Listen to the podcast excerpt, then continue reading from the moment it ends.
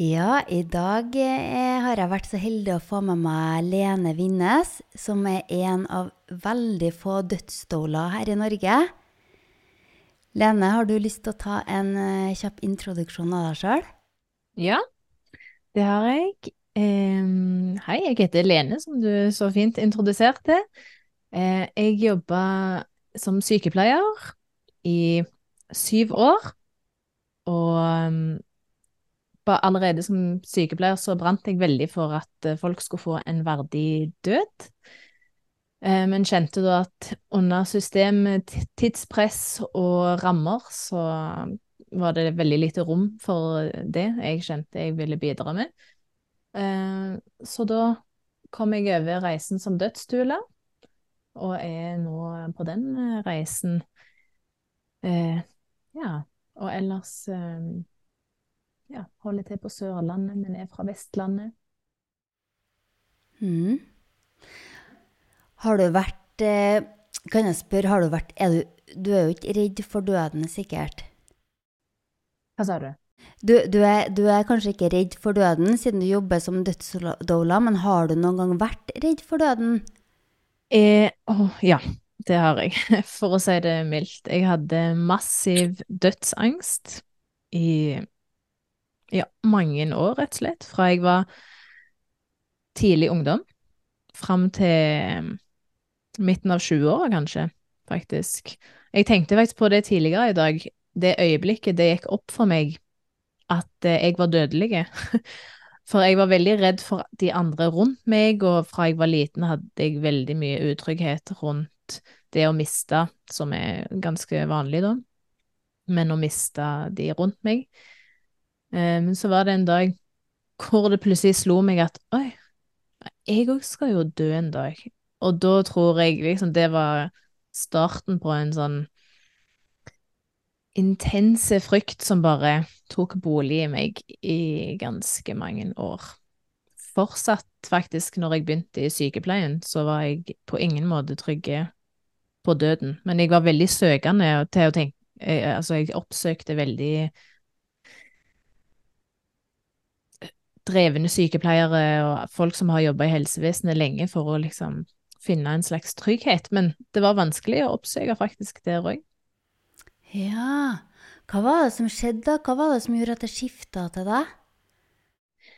Det var faktisk um, når jeg for første gang vendte blikket innover, for å si det sånn. For jeg levde nok Eller jeg levde ikke nok, jeg levde i en eh, mur inni meg sjøl hvor jeg em, med enormt mye fortrengte fortrengte minner og følelser så det holder. Eh, Så jeg var veldig utad hele tida og skulle hjelpe alle andre, og hadde veldig mange masker på meg, og var den festlige, morsomme personen som eh, alltid var omsorgsfull utad. Mens inni meg så sleit jeg veldig masse, og jeg var ikke i kontakt med meg sjøl.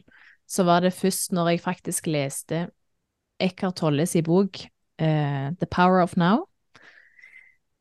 Det var da det første liksom, skikkelige skiftet mitt kom, hvor han, altså alle ordene hans, det bare beskrev så mye som jeg følte og kjente inni meg, som var sånn wow, hvor folk rundt meg lurte på om jeg var forelska, eller hva, for jeg var så Da var jeg helt sånn høy på livet. um, og da Det bare Det var inn det var, jeg husker jeg bare leste en ting der som skifta hele perspektivet mitt på døden. Det var det ene. Og så jo mer jeg på en måte gikk inn i meg sjøl og nøsta opp i alt som lå der, og faktisk eh, tillot det å komme til overflaten, og se på det og være med det, så slapp den frykten mer og mer. Sånn at eh, jeg tror jo virkelig at eh, en frykt for døden bundet i Altså, hvis du ikke er i kontakt med deg sjøl og følelsene og tillater noe å komme på overflaten, så er det en veldig sånn sentral, enkel ting å feste alle de følelsene på, frykt for døden. Eh, og alt er jo en liten død, sant, alt med fortid, alt som har skjedd, gi slipp på folk, minner, ting, tang. Alt det er jo en død. Så eh, ja. Det var alle disse dødene på en måte faktisk jeg gikk gjennom i meg sjøl, som gjorde at jeg ble mer og mer fortrolig. Og så var det òg Jo mer jeg jobbet som sykepleier, desto mer eh, flere opplevelser fikk jeg med døden, og personlige opplevelser. Og disse opplevelsene i kombinasjon med min egen eh, indre reise, da, gjorde at det, hele perspektivet på døden skifta. Og jeg fikk se virkelig det vakre med døden, og det fredfulle. Det er skikkelig inspirerende. Jeg får frysninger over hele meg. Det er jo, som du sier, det er jo ego, de egodødene som vi går gjennom. De, eh, vi ser da gjennom det at vi er så mye mer enn den menneskelige kroppen òg. Eller det vi ser, da. Mm.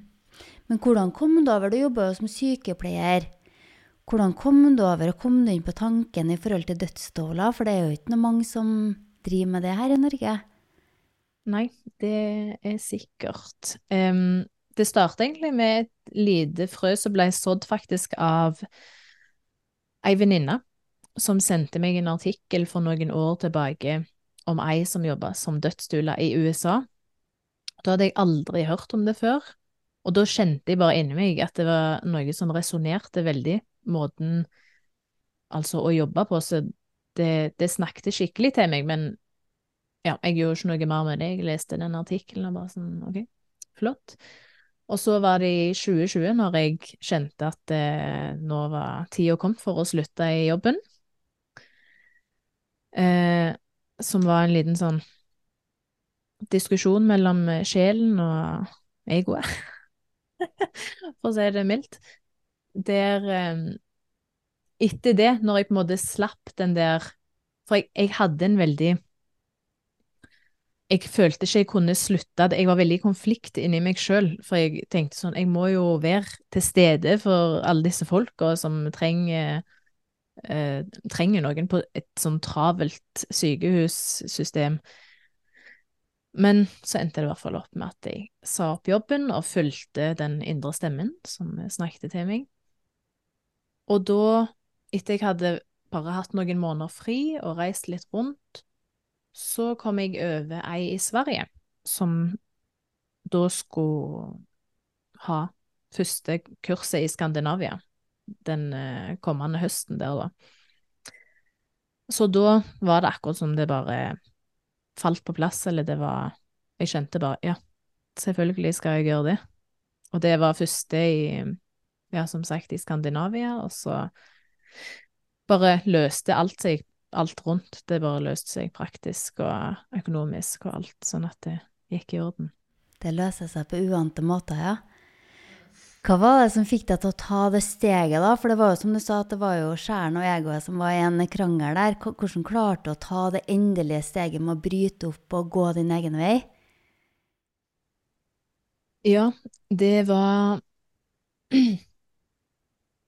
Det var det var faktisk Det øyeblikket der var inspirert av ei bok som heter Conversations with God, hvor det er en som må ha en indre dialog med Gud. Og i den boka der så leste jeg noe som skikkelig har hjulpet meg, da, i det øyeblikket når jeg tok det valget. Og det var at vi mennesker får ofte Altså, vi blir jo veiledet hele tida inni oss, men så har vi så mye støy rundt oss at eh, vi klarer ikke å høre det. Eh, og så ikke minst at tankene tar så fort overhånd. Så hvis du får en indre følelse eller en viten om noe du skal gjøre, så istedenfor å med en gang høre på det eller følge det, så kommer jo tankene sånn et millisekund etterpå og begynner å så tvil. Og det er der det på en måte skaper konflikt og forvirring og alt dette her. Eh, så da, i den boka, står det alltid følg your initial thought, den første tanken som kommer til deg, den du kjenner som kommer innifra, så bare boom, kommer. Før dette, disse tankene kommer. Altså, det er en viss, veldig stor forskjell på den tanken du kjenner bare sånn, oi, inn, innenifra. Det kommer dypere fra, på en måte. Så det var når jeg eh, Da satte jeg meg ned i stillhet, for det trengs jo virkelig for å faktisk klare å høre etter. Og så bare stilte jeg spørsmålet sånn, hva skal jeg gjøre? Og så fikk jeg helt tydelig innifra slutt i jobben. Og så var det sånn Det var veldig sånn todelt, for hodet mitt var sånn Hæ? Hvordan kan jeg Jeg kan ikke slutte i jobben. Og så alt det vi er programmert til å tenke. Hvordan skal du få penger? Hvordan skal du ditt? Hvordan skal du datt? Du har leilighet, bil, hund. Hvordan skal du få til det? Og så var det bare noe i dypet i meg, stemme, som sa men alt vil ordne seg, bare lytt til denne stemmen. Stol på det. Og det var så stødig det var så stødig og trygt, så selv om det var veldig mye sånn tankestøy og masse tvil som prøvde å så seg inn i hjernen min, så var det allikevel den der trygge, stødige stemmen inni som var sånn Bare følg dette, og så vil det ordne seg. Og den dagen jeg leverte oppsigelsen, da bare kjente jeg i hele meg Du kjenner liksom sånn wow. 100% var dette rett. Og det var sjelen min bare sånn applauderte. Sånn endelig tok du hintet.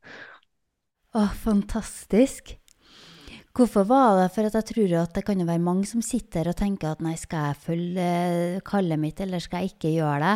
Hvorfor var det viktig å lytte til den indre stemmen din? Det var Vel, for det første så Det er veldig lett å se tilbake på det nå, da, men jeg merka jo Jeg var i en sånn dårlig Altså, jeg var liksom fanga i min egen frustrasjon. Og det ble jo helt motsatt av det jeg hadde lyst til å gjøre, på en måte hjelpe, for da var jeg så frustrert at jeg gikk jo bare rundt og sendte ut masse frustrert, sint energi, istedenfor å være liksom åpen og, og kjærlig. Så jeg tror for min del så var det Jeg kjente jo at jeg la lokk på noe som var helt essensielt i meg at det samsvarte ikke, det var ikke en flow, liksom, inni meg. Det var så mye som ja, holdt meg fast, på en måte. Så jeg tror virkelig for at det, at det er viktig å følge den indre stemmen for å faktisk være i kontakt med essensen av deg sjøl og livet, og ikke bare liksom ideene dine til livet eller andre sine ideer til livet å være tro mot seg sjøl og ta den inspirerte hand eller handlinga for å faktisk være tro mot seg sjøl da. Ja, ikke minst. Og så er det jo Det er jo så vanskelig, fordi at alle rundt vil jo ha en mening om det. Og stille spørsmål til Ja, altså Til alt, bokstavelig talt. For det, det vil jo ofte trigge noe i folk hvis du velger å gjøre noe som er helt ut forbi boksen, hvis du da er i denne boksen, berømte boksen. Og så er det jo sånn Ja, nei, fortsett. Ja. Nei, ja. Og da Ja. Det er da det er Men, men du får liksom så umiddelbar eh, Hva skal jeg si belønning, eller som ei venninne av meg pleier å si, en kvittering på det du har gjort, det syns jeg er så veldig bra metafor. Du får en kvittering fra universet, fra Gud, eller kall det hva du vil, fra sjelen din, på at det du har gjort, er det rette. For plutselig så er det bare masse som åpner seg opp, og ting legger seg til rette, og så bare Oi, OK, wow. Ah, det her er så fint å høre, for det, det er jo det som er at det er jo veldig lett å gå og tenke på det man ønsker å gjøre, og gå og drømme om det, og, men det er jo faktisk det å ta den handlinga og si opp jobben og starte for seg sjøl. Det er jo det som er det største steget. Og det er så fantastisk når du sier at når man faktisk gjør det, at man får en kvittering da, fra universet som bekrefter at det var riktig. For det er jo ikke noen garantier. Det er liksom at man må ha en full tillit da, til seg sjøl eller til noe større. Og så bare gjør det nesten litt, det nesten litt sånn stup uti det, på en måte. Og så hva er det verste som kan skje? Vi lever jo i Norge, så her er vi jo egentlig på en måte sikra uansett. Det hjelper i hvert fall meg veldig i den prosessen her, da. Ja, enig. Veldig. Ja. Så det er fantastisk at du, at du følte det indre kallet ditt. Ja. Ja. enig. Har du lyst til å fortelle litt, hva går det ut på? Det å være en dødsdoula, Lene, hva går egentlig det ut på? Um, det går ut på å være Jeg liker å kalle det en medvandrer, egentlig, for det er et veldig fint ord. Medvandrer til noen som skal dø. Og eller familien, hvis det er familie eller de nærstående rundt. Eh, å være et holdepunkt, et anker for den personen gjennom hele dødsprosessen. Um, og bidra med hva enn de måtte ønske uh, og ha behov for, egentlig. Um, holde rom, ikke minst. Det er kanskje det viktigste, å skape ro, trygghet og gi rom til at det som utfolder seg, skal få lov å utfolde seg på alle plan. Så en dødsstule har ingen medisinsk ansvar, men er helhetlig på alle andre plan, da. Så jeg kan hjelpe med praktiske ting, om det er noe med begravelse, eller noen som ønsker å planlegge begravelse, eller hva enn det måtte være av praktiske ting. Det er jo mye praktisk rundt en død. Eller det kan være det åndelige, som ikke minst er et enormt stort aspekt av døden, og får veldig lite, i min opplevelse, plass i sykehuset og sykehjem og dette. Og det emosjonelle, der er jo masse som skal gi slipp på, og ja Det er på en måte å bare være til stede for det mennesket. Holde det i hånda gjennom prosessen, eller ja. Ikke altså bokstavelig talt, men òg metaforisk. Jeg ser jo masse fordeler med det å ha en dødsdoula, ha en person som kan komme når man ligger for døden, som ikke er et familiemedlem, men som klarer å holde et rom som nødvendigvis ikke er familiemedlemmer, som er en form for sorg sjøl her, da. Hvordan er fordeler mener du at det er å, å ha hjelp av en dødsdoula? Hva er fordeler? Ja. Um, altså, det er jo For det første er det jo en veldig god praktisk ting å ha i forhold til systemet, for her i Norge har vi ikke noe sånn eh, Etter min mening da veldig Vi har ikke så veldig bra, bra, gode tilbud når det kommer til slutten av livet, så man blir ofte en kasteball når man skal dø. Og det er veldig mange, altså det er sykehus, det er sykehjem, det er legevakt, det er så mange instanser eh, som skal samarbeide. Og som dødsstule så kan man da være en stødig person som er et kontaktpunkt mellom alle disse instansene. Eh, at pårørende og den døende kan få avlastning med å slippe å gjøre alle disse praktiske ting og ja, snakke og tolke, og det er så mye informasjon, det er så mye som skal tas inn på det praktiske aspekt, som man kan få avlastning fra. Eh, ja, og bare få eliminert disse tingene kan jo gjøre at man har mer tid og rom sammen eh, med seg sjøl og med den døende og med familien eller hvem det måtte være. Um, ja, og så er det som du sier, det med at det er en annen person som ikke er familie. For det kan Jeg har opplevd begge deler. Der er familier som er helt fortrolige med at uh, nå kommer døden, og så samles alle og ja, er til stede, og så kan det være veldig fint. Men så er det òg de som ikke klarer det, fordi at det er så vanskelig for de sjøl å måtte gi slipp på den personen som skal dø. Og da er det veldig vanskelig for de å være til stede og virkelig lytte til den døende, sant? for det blir for tungt. Og da En veldig sånn klassisk ting er hvis noen som skal dø, sier 'jeg kjenner på meg at jeg skal dø, eller jeg håper jeg dør snart, eller jeg har så mye vondt, så kan pårørende si nei, ikke snakk sånn, ikke si det, dette går bra, liksom.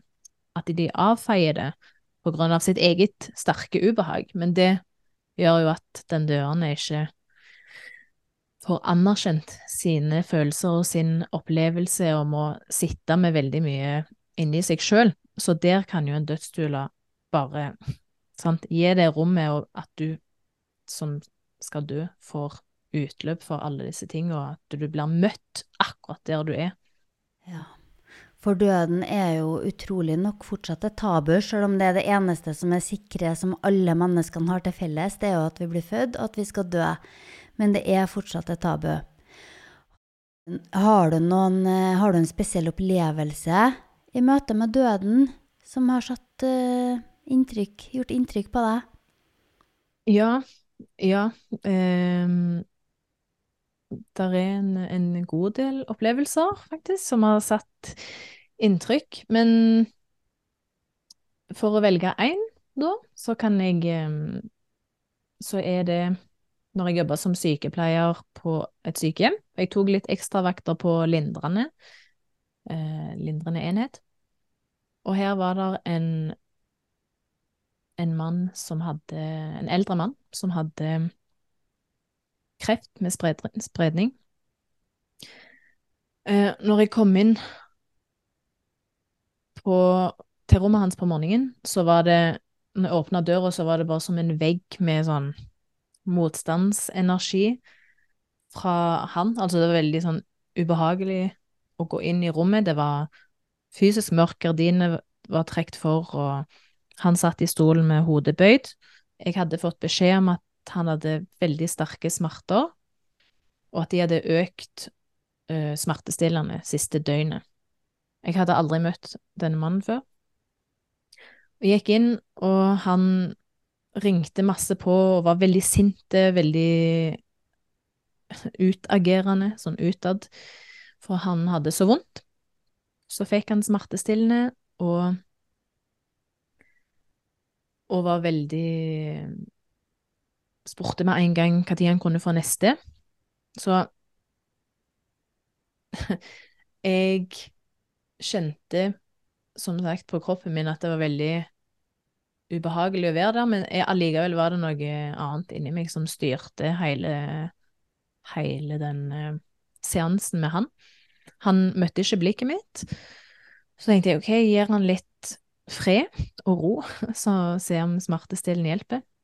Og når jeg kom tilbake igjen, så så um,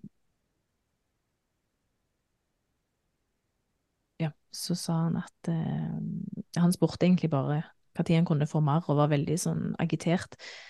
Så var det noe inni meg Kroppen min ville bare gå ut derfra, for dette var så ubekvem energi. Men så var det noe inni meg som leda meg til å si har du lyst på selskap, eller vil du være aleine? For det er òg en veldig klassisk ting hvis pasienter er vanskelige utad, sant? så sier vi samarbeids, uh, har veldig vanskelig for å samarbeide, er sinte og sånn her. Det er jo en, alltid en grunn for at noen er sinte eller eh, frustrerte. Det er jo aldri personlig, men veldig ofte blir det tatt personlig, da. Men da ble stussa han litt, og så sa han OK, ja, du kan godt holde meg med selskap. Så var jeg faktisk litt sånn overraska over det.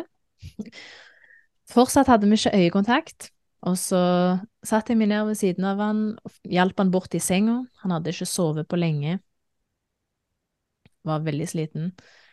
Så han ja, du må snakke, vi må Han ville liksom fylle stillheten. Det var veldig ubekvemt og uvant for han, virka det som. Så vi snakket nå litt om løst og fast, og så var han sånn nei, vi må ikke snakke om dette.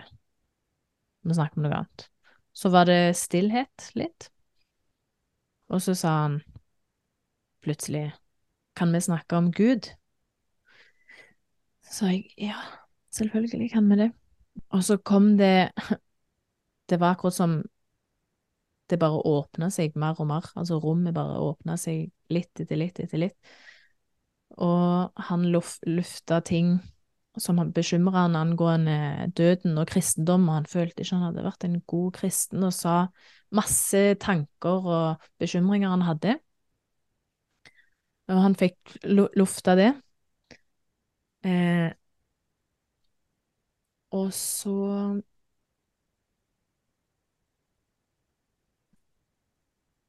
Jeg kom plutselig på nå at jeg glemte en vesentlig ting i denne historien.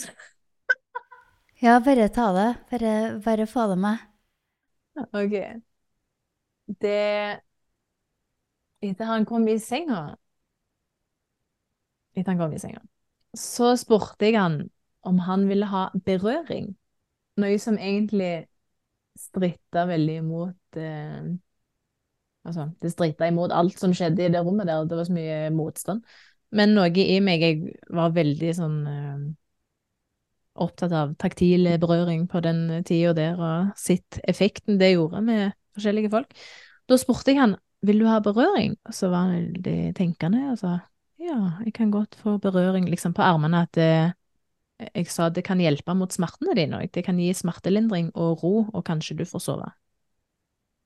Så da strøk jeg han på, på armene og på hendene, og liksom bare var Vi hadde hele roen, og det, det er akkurat som roen bare sank mer og mer inn i rommet. Og han sovna bitte litt. Og så sa han etter ei stund med stillhet og berøring, kan vi snakke om Gud? Da var det akkurat som noe åpna seg opp. Og da delte han masse bekymringer han hadde om eh, sin væremåte som kristen, og i forhold til døden, og eh, Ja. Han fikk lufta masse som han hadde båret på veldig lenge, kjentes det ut som. Og så var det stille litt til, og det var fortsatt stryking og på en måte berøring på armene og hendene. Og så sa han plutselig, tenk hvis jeg blir kvelt når jeg dør. Og da, når han sa det, så det var akkurat som det var roten i alt som skjedde i han og i det rommet. Alt sinnet og frustrasjonen og smertene, det bare løsna når han sa det. Hele rommet letta, på en måte. Der, det var, det var grobunnen i frykten hans som kom opp der. Og da fikk jeg jo berolige han og fortelle han at han, vi ville passe på han og gjøre alt vi kunne for at han skulle få den mest fredfulle og fine døden som var, sånn at han fikk fred med det. Og etter denne samtalen og berøring og stillhet og alt som kom fram der, så så han meg for første gang inn i øynene, og det var som et helt nytt menneske. Et helt nytt menneske. Han hadde gått fra å være veldig sånn her, veldig sånn, lukka, til bare hele ansiktet bare åpna seg som en blomst, som et lite barn, med øyne som var helt sånn lyse, og han så meg rett inn i øynene og sa tusen takk, tusen takk. Og dette, dette har liksom aldri, ja, skjedd før, og han var, ja, han var så takknemlig, og da ville han opp i stolen etterpå og spise, han ville jo ikke ha mat tidligere, opp med gardinene, med lys inn, han var i godt humør og fikk besøk av ungene sine, var kjempeglade liksom resten av dagen og hadde ikke behov for noe smertestillende, og dette var en mann som hadde kontinuerlig behov for mye morfin. Og da virkelig kjente jeg sånn wow, effekten av ja, virkelig å gi rom til noen, men òg ikke minst å gå forbi sitt eget ubehag og fylle den visdommen som ligger bak der, i stillheten, for der er det så mye visdom. Og i den stillheten vi satt i, så var det så mye som ble kommunisert, på tross av at, ja, det er mange som synes det er ubehagelig å sitte i stillhet, for de vet ikke hva de skal si eller gjøre, eller hvis du da går forbi det og bare lar stillheten og kjærligheten holde rommet, så er det så sykt mye fint som skjer som dette. Helt fantastisk, fordi da fikk han den åpenheten som gjorde at han kunne sette ord på dem, den dypeste frykten som var å bli kvalt når han døde. Og så kunne, når han fikk forløst det, så fikk han fine dager å gå i møte med døden, men med letthet, da. Ja, og han døde under ei uke etterpå fredelig. Det er så fint. Det er så viktig å kunne skape det rommet for dem som skal møte døden, tenker jeg. Mm. Absolutt. Og det er så Det er liksom like verdifullt for for oss på andre sida, eller for meg, da, syns jeg. Det er, så, det er så mye lærdom og visdom og klokhet som jeg aldri har opplevd i noe annet rom. Altså i det rommet hvor døden er nærme, så er det så mye Det er så mye. Ja, det er det, og det er jo mye Altså, vi menneskene, vi har jo med oss Vi bærer jo ofte på frykt som vi møter, og den vil jo komme opp kanskje sterkere rundt møtet med døden. Jeg har jo en uh, liten historie sjøl. Når jeg var en uh, Da var ikke jeg dødsdoula, men uh, jeg hjalp en som hadde fått et hjerteinfarkt, som lå i koma. Og han var jo på helt, en helt annen plass i, i landet. Så jeg var ikke i nærheten av han, men jeg gikk inn på energien hans. For at han, han klarte ikke å gi slipp. Han har ligget i koma i fem eller sju dager, jeg husker ikke helt. Det var dattera hans som tok kontakt med meg. Og så hadde han ligget i koma, og alt av funksjonene var egentlig han, Det var ikke noe mulighet for at han kunne overleve, men han nekta å gi slipp. Og så spurte dattera meg om kan du hjelpe meg å gå inn på energien hans og se hva er det som er her. Hvorfor går ikke han videre? Og så kobla jeg meg til han, og da får jeg på at det var veldig mye frykt som lå igjen der. Det var ikke bare frykt, men den tilgivelsen. Så sa jeg til henne at men alle sammen har tilgitt deg. Du, det er trygt for deg gi slipp, du er tilgitt. Og så sa han men jeg klarer ikke å tilgi meg sjøl. Og han visste, for de pårørende hadde stått rundt den i sykesenga og sagt at du er tilgitt, og det hadde han hørt. Det hadde han fått med seg sjøl om han var bevisstløs. Så han var veldig trygg på at han var tilgitt, men det var liksom den tilgivelsen av seg sjøl som han ikke klarte å få, da. Og så jobba vi masse, det var nesten som en terapitime da, på et energetisk nivå. Og vi ga slipp på masse frykt, og jeg forklarte han at det var trygt å gå over på den andre sida, at kroppen blir ikke borte. Energi, nei, kroppen bare som forsvinner, men energien fortsetter. Og du får se ting i et større perspektiv når du går over og bare gir slipp. Og da var, det var jo en, skjedde over flere runder at vi tok den uh, energetiske samtalen her. Men så var han sånn uh, Men hvordan gir jeg faktisk slipp? Hvordan møter jeg døden? Jeg vet ikke hvordan jeg skal klare å forlate kroppen min. Og så fikk jeg opp et indre bilde av at han sto på et stupebrett og bare satsa til sånn én, to, tre At det var sånn han så for seg at han skulle gjøre det. Bare stup uti døden, eller stup uti til den andre sida. Og så, den, så, sa han til meg at nå er det nok, nå trenger jeg litt rom her, jeg må få bearbeida alt dette her. For det blir jo litt intensivt hvis man ikke har Hvis man har mye frykt, da, så får man plutselig lyst opp i det på kort tid. Og så går det kanskje 15 minutter, så får jeg melding fra venninna mi. Og da sier jeg at uh, nå har han gått videre. Jeg fikk opp et bilde av at han telte ned fra tre, og så så jeg at han gikk over i lyset. Så hun hadde sett det samme. Det var helt fantastisk uh, sterkt. Fader. Og det var jo noe som Ja, det var fantastisk. Og det var jo noe som skjedde det var jo ikke noen dødsstoler som kunne være der, for det var ikke noe forvarsel på at han skulle dø. Det var et plutselig, plutselig sykdom som skjedde da. Wow. For en, for en enorme ting å gjøre. Ja, så jeg kunne, jeg kunne ha tenkt meg å jobbe som spirituell dødsstål. Jeg vet ikke om det finnes, men eh, det blir kanskje det òg etter hvert. Det, altså, du gjorde jo alt. så, altså, det er jo hele essensen på en helt sinnssyk måte. Og der er jo, i England og USA i hvert fall, har de jo Death Midwives, som det heter. Og det er det spirituelle aspektet av det. Ja Er det åpenhet for det der, da, kanskje? Hva sa du? Er det mer åpenhet for det der?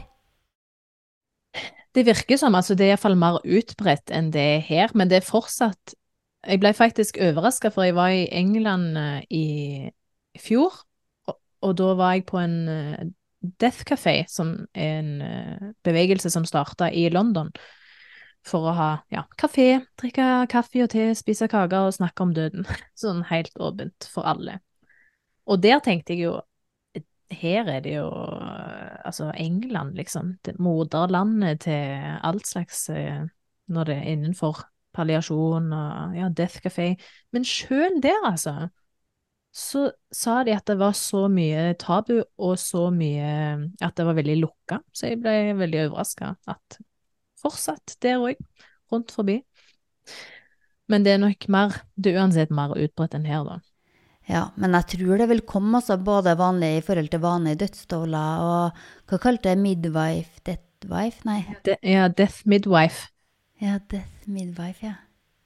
Så det er jo det som er eh, håp, eller hva man skal si, ønske, at det, at eh, for som mennesker så blir vi jo tiltrukket forskjellige ting, sant, og som dødsstueler da, så er det gjerne noen som I Sverige begynner det jo da å bli mer og mer utbredt, og det begynner å bli en del etter hvert. Og da er det jo noen som brenner mer for det praktiske og hjelper med det, og så er det noen som brenner mer for det emosjonelle, og noen for det åndelige. Så da kan man òg spille litt på hverandre, at det, hvis noen trenger hjelp med et eller annet veldig praktisk, og du skal du henvise til liksom, kollegaen din, eller ja. Så jeg vil jo mest jobbe med det emosjonelle og det åndelige aspektet, som får minst rom ut ifra det jeg tenker. Ja. Så det er absolutt helt eh, Da kan, vi, kan du være åndelig kollega oppi ja. Ronja. Det, det spørs om det kan bli det etter hvert litt, det òg, altså. Det er jo så mye ting jeg har lyst til å gjøre, men det er jo bare å gjøre alt. Man, jo, man trenger ikke å forplikte seg til én ting, man kan jo gjøre litt av alt. Og det er så fint, det er så viktig, altså, for vi er jo sjeler. Vi, vi, vi, har jo følelser. Og det å kunne møte døden med trygghet og klare å komme over i det lyset der For tidligere har jeg også jobba med forvirra sjeler som ikke har klart å møte lys, lyset. Og det er jo veldig ofte hvis at man møter døden med frykt, og at de ikke er noe åpenhet rundt det, så klarer ikke man å se at det er en vei opp mot lyset, men når man gjør det, så blir man fri, da. På et annet, annet nivå, så, så, klart. Så jeg tenker her er en kjempeviktig jobb eh, du gjør, Lene. Men det er et veldig viktig aspekt du sier der, og det minte om noe jeg leste i går på ei som jobber som både dødsstue og det hele. Hun er i Canada, tror jeg. Men hun er veldig opptatt av det åndelige aspektet, for vi ser eh, altså en kropp, og så dør de, og så ja, er det på en måte pårørende som sitter igjen. Men så er det det med at hvor mye du kan faktisk gjøre og tilrettelegge, som de òg snakker om i den uh, Tibetan Book of Living and Dying, hvordan du kan hjelpe dem, akkurat som du sier, da, til å få en fin overgang, og at det faktisk betyr noe. Men det er det her som vi snakker så lite om i samfunnet, som blir litt sånn hugga-bugga for mange, fordi at det vi er ikke vant med å snakke på den måten. Så da er det sånn, det blir veldig sånn fjernt. Men veldig viktig aspekt, det du sier der, at ikke noen dør i frykt, ja. Mm. Det er kjempeviktig, og det er kjempefint å kunne hjelpe dem til å ikke gjøre det. Og man kan jo òg, hvis det er noe som skjer, noe som har et dødt, eh, brått dødsfall, eller noe, så kan man, man, kan man også vite at det går an til å hjelpe dem etter at de har dødd òg. Jeg hadde jo nesten som en hobby en periode sitt, hvis det var noen jeg visste som døde, å gå inn på energien dem og hjelpe dem opp i lyset, liksom. Så Men var det da noe som eh, altså kom til deg for at du er så Eller var det, altså, var det disse sjelene som kom til deg? Ja, det har det også gjort. Det har det også gjort, men en periode da jeg nettopp begynte å kjenne på den tilgangen her, og se hvor viktig det var å gå over i lyset, da, så var det som hvis jeg kunne se på Instagram eller Facebook at det var en gammel kollega som har dødd, eller gammel gammeltante, så var jeg bare sånn OK, jeg vil at de skal gå over i lyset, så jeg skal gå inn og koble meg på energien og vise dem veien, i tilfelle de ikke har funnet den, da. Så det er forskjellige hobbyer ute og går. Indeed. Wow. Men er det, kan jeg bare spørre, er det en sånn for, Er det energigivende for deg? Eller er det tappende, eller er det Altså, gir det mye? Det ga meg veldig mye å sende folk over i lyset. Det er en stund siden jeg har gjort det nå. Det var I begynnelsen så var jeg veldig sånn bare wow, dette her er så sterkt og så fint og så viktig. Og så har ikke jeg gjort det så mye den siste tida, men når jeg holdt på med det, så var det veldig givende. Mm. Det gir jo noe, for jeg føler jo at verden blir en bedre plass hvis at også de som går over til den andre sida, går i lyset. For de er jo der på et energetisk nivå, de òg, bidrar fra sitt eh, eksistensplan. Så når de kommer seg i lyset, så klarer de å hjelpe til energien på jorda på, på en måte. Mm, mm. Så det er bare vinn-vinn for uh, alle sammen, egentlig. Mm. Det er veldig sant. Mm. Viktige ting Ja. Mm. du gjør.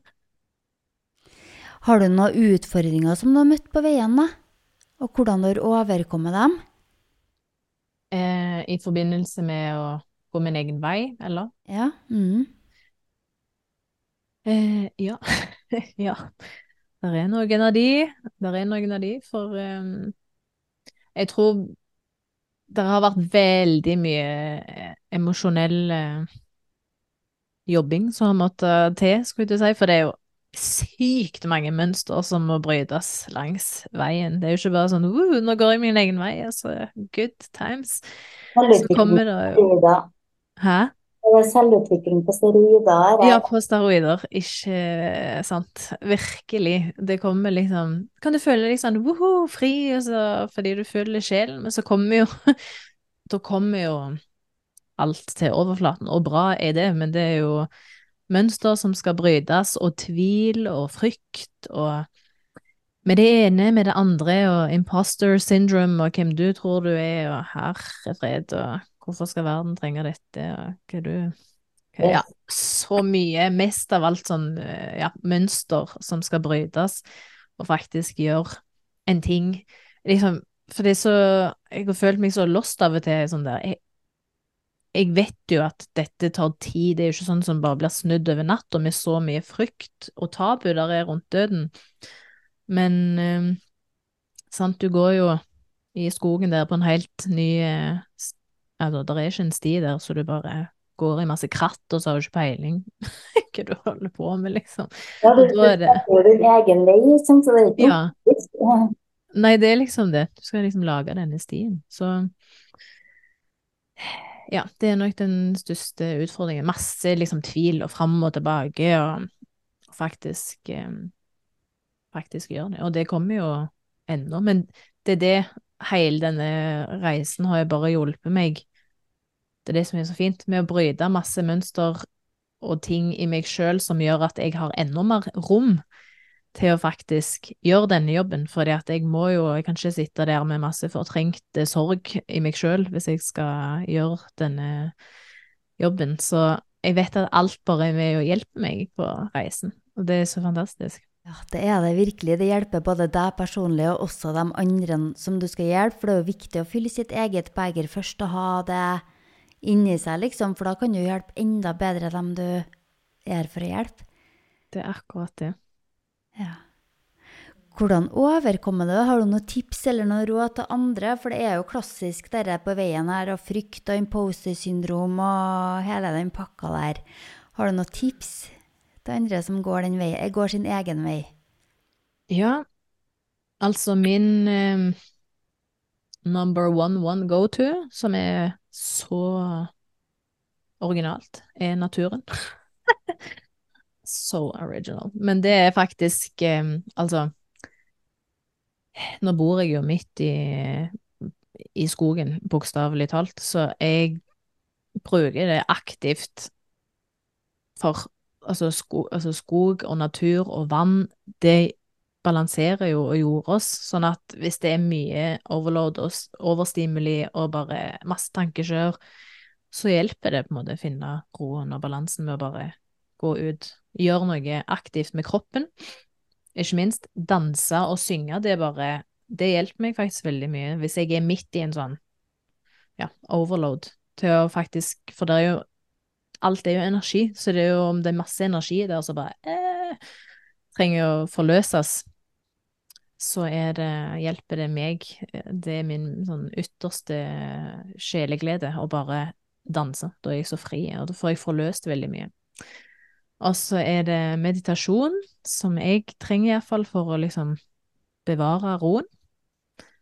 Um, ja, så er det faktisk å føle følelsene Mm. når de kommer, og ikke flykte fra det.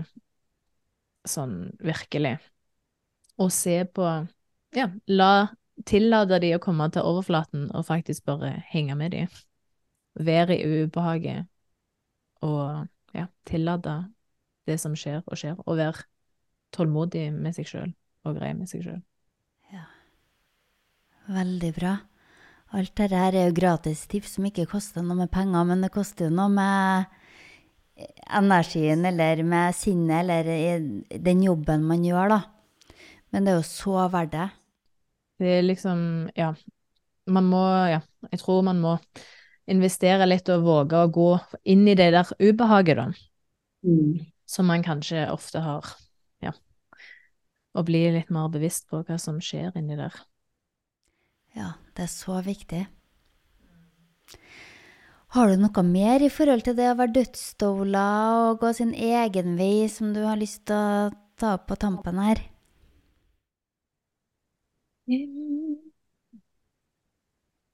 Ja, jeg, hvis noen eh, som ser på dette eller hører på dette, kjenner seg kalla til dette, eller at det er noe som resonnerer inni, for det er jo òg en, en fin måte å måle sannhet på, er hva er det som resonnerer inni hjertet ditt, hvor du kjenner sånn oi, det skjer noe inni meg, hvis du ser vekk fra tankene, men bare oi, dette vekker noe inni sjelen min, i hjertet mitt, så vil jeg bare si følg det. Dette trengs det så enormt mye av, fordi at absolutt alle her skal dø. Alle skal dø. Eh, og det var noe jeg virkelig mislikte å høre når jeg var i min egen dødsfrykt, men det er nå en annen sak. Alle skal dø, og det, det er et behov for, eh, for dette. Så hvis, hvis det er noen der som kjenner liksom at det er resonnement, så bare fyll, fyll den nysgjerrigheten og se hva er det som eh, Ja, for det, man, og det vil jeg òg bare påpeke, at man trenger ikke være eh, ha helsefaglig bakgrunn, sånn som jeg har hatt, altså, for å jobbe som dødsstula. Dette er jo sant som du, alle de evnene du har. Det det personlighet og sjel og hva du er bedre på av eh, gaver og egenskaper og ja, alt dette her. Så det er man bare der Jeg tror det er så mange som bærer på så mye gaver og så mye fint som kommer verden til nytte. Ja. Og hvis noen lurer på et eller annet, eller er nysgjerrig på noe, eller uh, vil spørre meg om et eller annet, så er det bare å reach out. Hvor finner man deg? Eh, de kan finne meg på Instagram, på eh, Dulalene. Ja, det er vel kanskje det letteste. Og Facebook på Dulalene. Eller mail, hvis man er mer eh, i mailgata, på kontakt Veldig fint det du sa om at man trenger ikke å ha den bakgrunnen. Man trenger ikke å ha en um, utdannelse i bunnen for dette her. For det er veldig lett at hodet går inn og tenker ok, jeg, jeg trenger mer, jeg trenger mer, jeg trenger mer. Sånn kan det fortsette i det evinnelige, evinnelige. Men det er jo ikke en sannhet. fordi at når vi kjenner at det er noe som resonnerer i oss, det er jo da vi skal søke mot det. Og det er jo det som tar oss fremover. Ja. Mm. Nei, men så bra. Så fint å prate med deg, Lene. Så inspirerende å høre den veien du har valgt. Jeg heier så gæli på deg. Tusen takk. Og i like måte. Takk for det. Så sier jeg ha det bra. Takk for i dag. Takk for alle som har lytta og sett på. Ja. Ha det. Ha det.